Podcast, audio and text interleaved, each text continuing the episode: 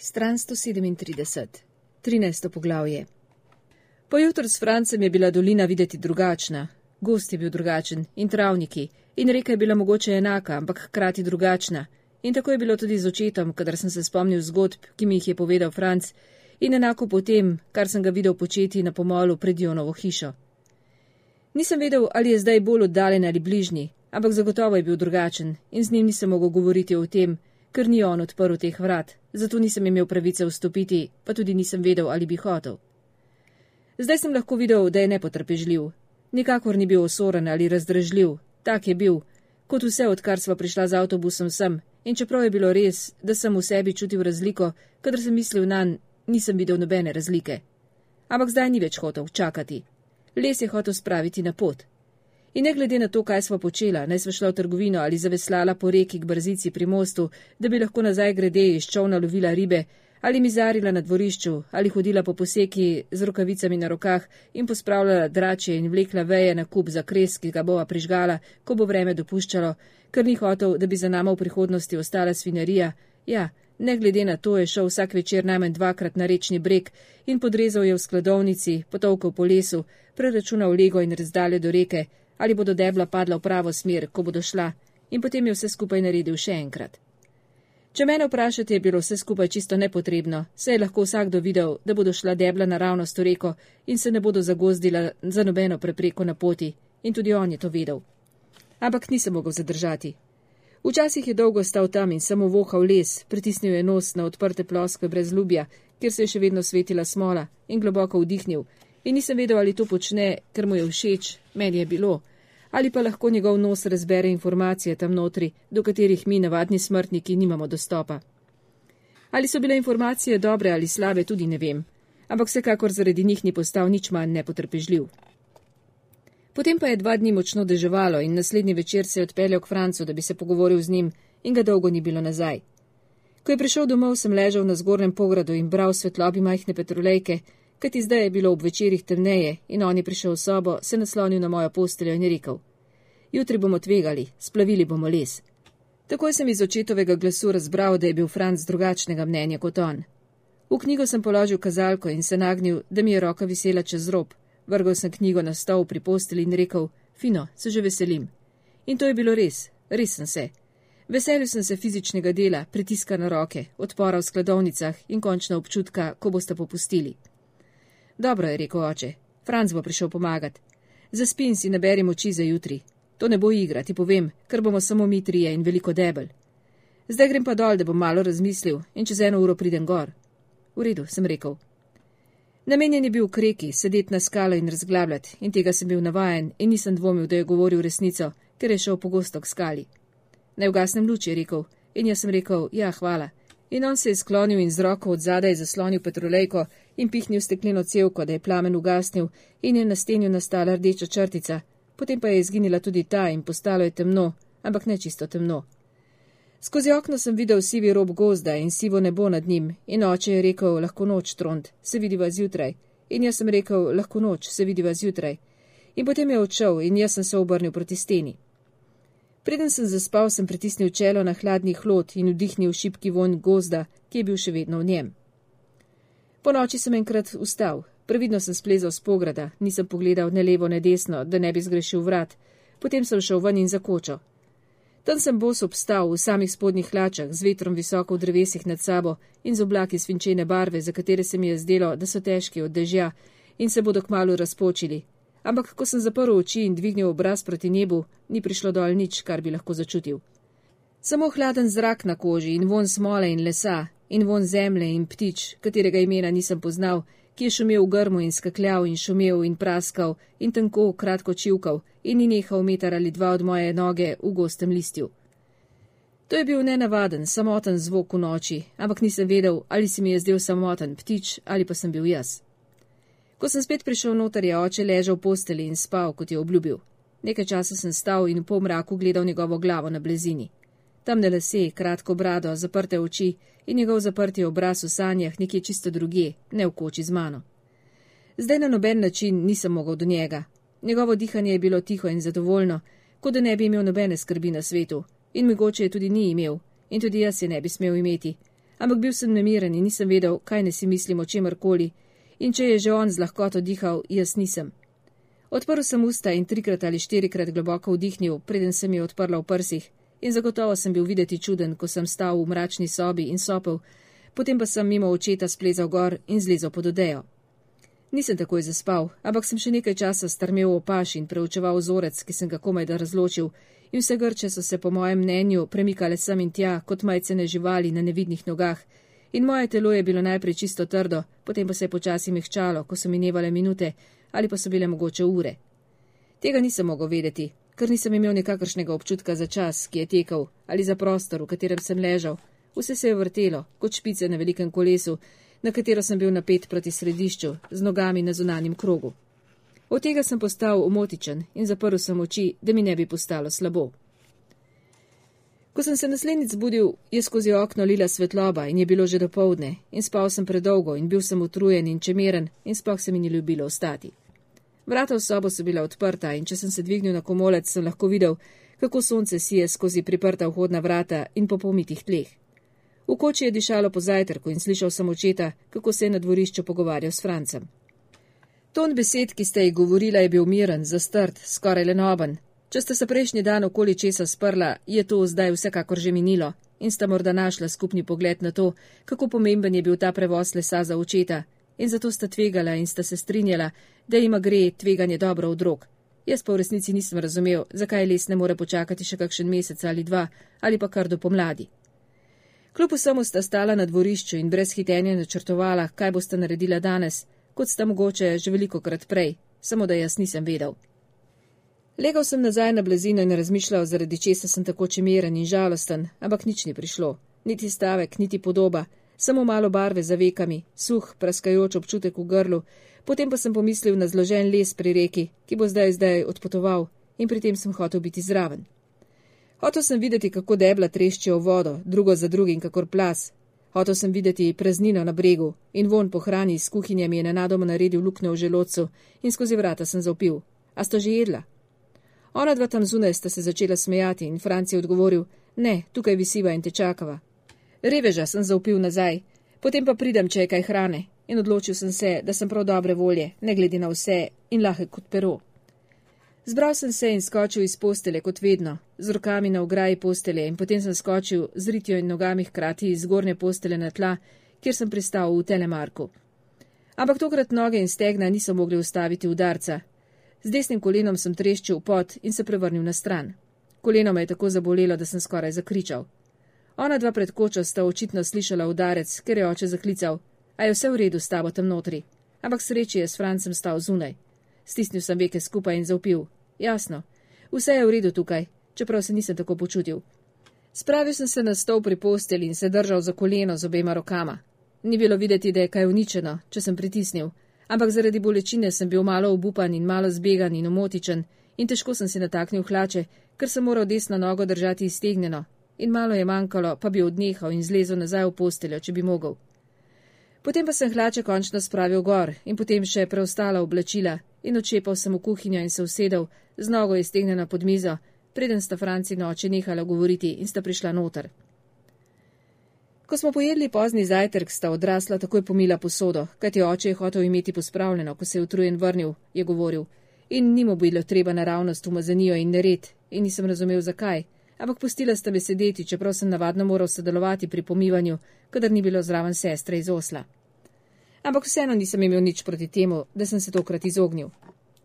Skrpno sta bila obrnjena proti mizi, pogovarjala sta se in šalila in žveketala s kodelicami in kozarci, in Franci je zapel pesem o rosomahu, ki je visel z vrha drevesa, ki se je naučil od svojega očeta. Izkazalo se je, da tudi moj oče pozna pesem, ki se je naučil od svojega očeta, in potem sta se na vse glas drla in v ritmu mahala skrpo za skodelice in skrtačo za pomivanje, in prav videl sem rosomaha, kako nemočno binglja na vrhu smreke, in izkoristil sem priložnost in naslonil glavo na dlani na mizi pred sabo, ker se mi je zdela tako težka, in morda sem spet malo zaspal.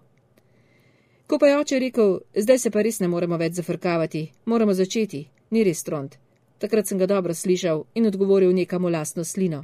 Tako je, in dvignil sem glavo in se obrisal okoli ust, in naenkrat sem se počutil kar dobro. Zadnji sem šel čez dvorišče proti drvarnici, poskusil sem čim manj šepati, v drvarnici pa sem vzel splavarski kaval in zvitek vrvi čez ramo. In tudi oče je vzel kaval in dve sekiri in en nož v nožnici, in Franc je vzel drog in popravljeno žago, in vse to sva imela v lopi in še več. Več žak in kladiv, in dve kosi, in dve motiki, in leta različnih velikosti, in svore in klešče, ki so v vrsti visele žeblo na steni, in kotnik, in precej orodja, za katero nisem vedel, zakaj se rabi, kajti oče je imel v drvarnici dobro opremljeno delavnico, in orodje je imel rad in ga je čistil in loščil in mazal z različnimi olji, da bi lepo dišalo in dolgo zdržalo, in vsaka stvar je imela svoje posebno mesto, kjer je stala ali visela in je bila vedno pripravljena za uporabo. Oče je zaprl vrata drvarnice in zataknil iglo v ključavnico, potem pa smo šli v vrsti in odnesli urodje pod roko in na rami, po stezi, kreki in skladovnicama. Oče je šel prvi, jaz pa zadnji v vrsti. In sonce je sijalo in mežikalo v reki, ki je bila visoka in nabrekla po nalivih zadnjih dni. In to bi lahko bila popolna slika tistega poletja in vsega, kar smo počeli skupaj, če ne bi jaz še vedno grdo šepal. To pa zato, ker je bilo nekje v meni, tako sem mislil, nedaleč od tam, kjer je duša, nekaj utrujenega in neveličenega, zaradi česar me noge in stegna naenkrat niso držali tako dobro, kot bi me morali. 13. poglavje nadaljujem na strani 143. Ko smo prišli na ravnico, smo orodje odložili na kamenje in oče in Franc sta šla okoli prve skladovnice, postavila sta se drug poleg drugega, s hrbtom obrnjena proti bleščeči, šumeči reki, in potem sta z nagnjeno glavo in rokami v boku preučevala les, ki je trdno naložen počival na dveh debelih, navpičnih splavarskih drogovih. Drugova so podpirala polena, ki so bila na vzkriž zabita v zemljo, in načelno naj bi delovalo tako, da bi takrat, ko odmakneš polena, drugova padla naravnost naprej, skladovnica debel bi se podrla in vsa debla bi se po drugovih kot po tirih odkotelila v vodo, če sta razdalja in naklon prava. In vse je bilo prav, sta menila oče in Franc. Tako sta zdaj pokleknila in odstranila pesek in kamenje okoli polen, da bi jih laže izdrla. Ko sta to upravila, sta vzela vsak svojo vrv in jo zavezala vsak okoli svojih polen in se s koncem vrvi v rokah odmaknila dalec stran od skladovnic, ker nista hotela biti na poti, ko bi se skladovnica podrla. To se je dalo upraviti na več načinov, tega je izumil Franc. Še nikoli ni prevrnil lesa v vodo v enem poskusu, je rekel. Izdelo se mu je, da mu tudi tokrat ne bo uspelo, kajti zakaj takega potrebuješ prav poseben naklon, pa veliko težo in nekaj peklensko močnih opor in drugov, pa še malo sreče, in to bi bilo tudi precej tvegano.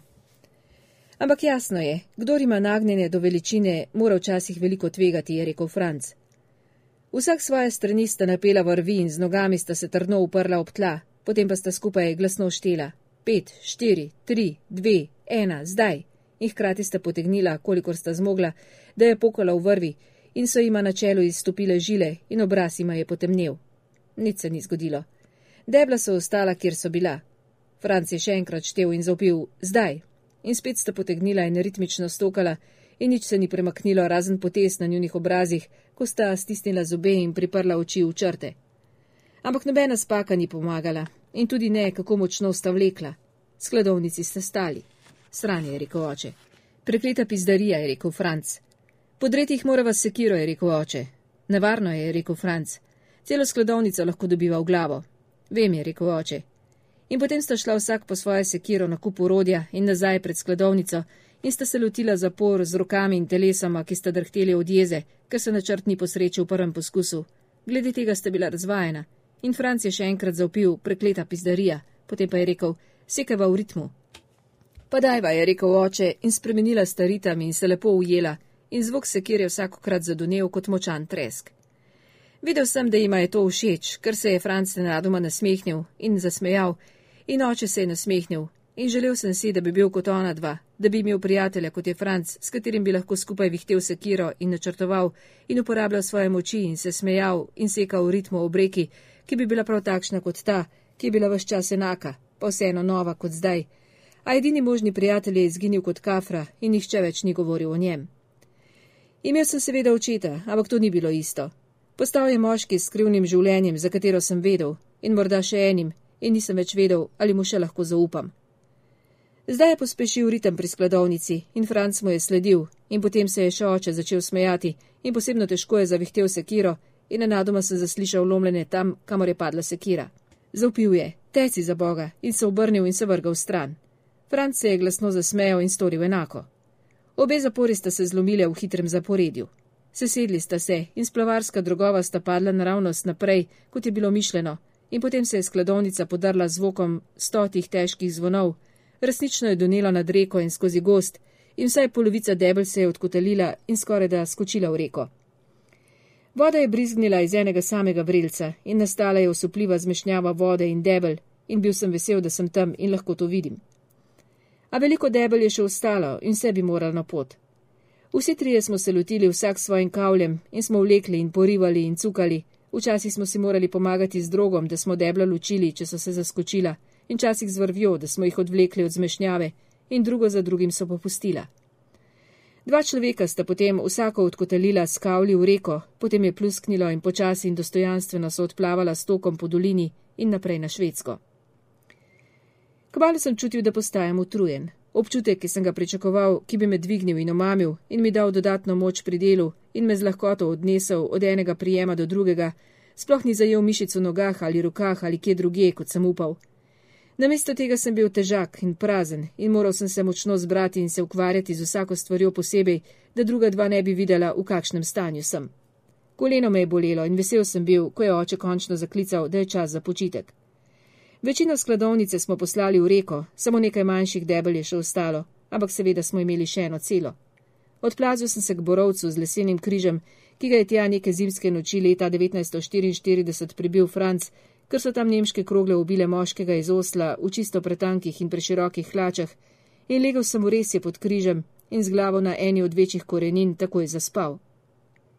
Ko sem se zbudil, se je nad mano kleče sklanjala Jonova mama, za glavo je sijalo sonce in eno roko je imela v mojih laseh in na sebi je imela bombažno obleko z modrimi rožami in zelo resen obraz, ko me je vprašala, ali sem lačen.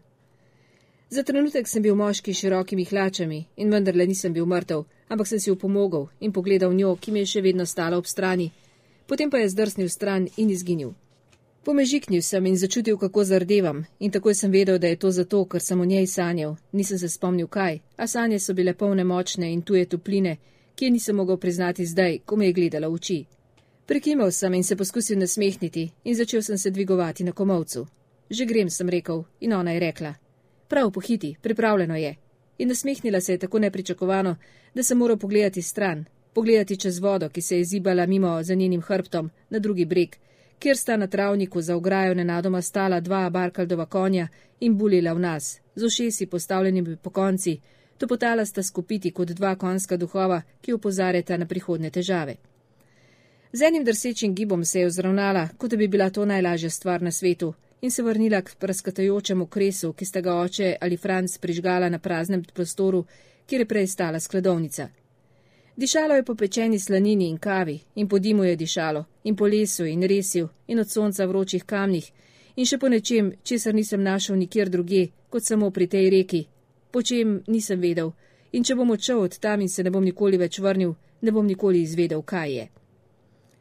Malo stran od kresa je na kamnu ob vodi sedel Lars. V rokah je imel butaro skrivljenih palic, ki jih je lomil na enako dolžino in jih zlagal v skladovnico tik ob vodi, na travo, ki je rasla ob kamnu in pred skladovnico je v tla zapičil dve koničasti palici za zaporo. Vse je naložil na njo. Videti je bila zelo lepa miniatura, prava skladovnica. Šel sem k njemu in počepnil. Noga je bila veliko boljša po kratkem spancu, torej vendarle nisem postal invalid, rekel sem. Ta skladovnica je pa prav dobra. Saj samo nekaj palic je odgovoril in njegov glas je bil tih in resen in ni se obrnil. To že sem rekel, imaš prav, ampak je vseeno dobra. Prava miniatura, Ne vem, kaj je miniatura, je tiho rekel Lars. Pomislil sem. Tudi jaz nisem vedel pravzaprav, ampak rekel sem, to je takrat, ko je nekaj čisto majhnega narejeno enako kot nekaj velikega. Razumeš? Saj samo nekaj palic. Ok, v redu, sem rekel, samo nekaj palic. Ne boš nič jedel. Odkimal je. Ne je rekel, da sem ga komaj slišal. Nič ne bom jedel. Rekel je jedel, tako kot sem jaz rekel, in ne južinal, kot bi rekel navadno. Pa ne, sem rekel. Tudi to je v redu. Jebenti, se ni obvezno.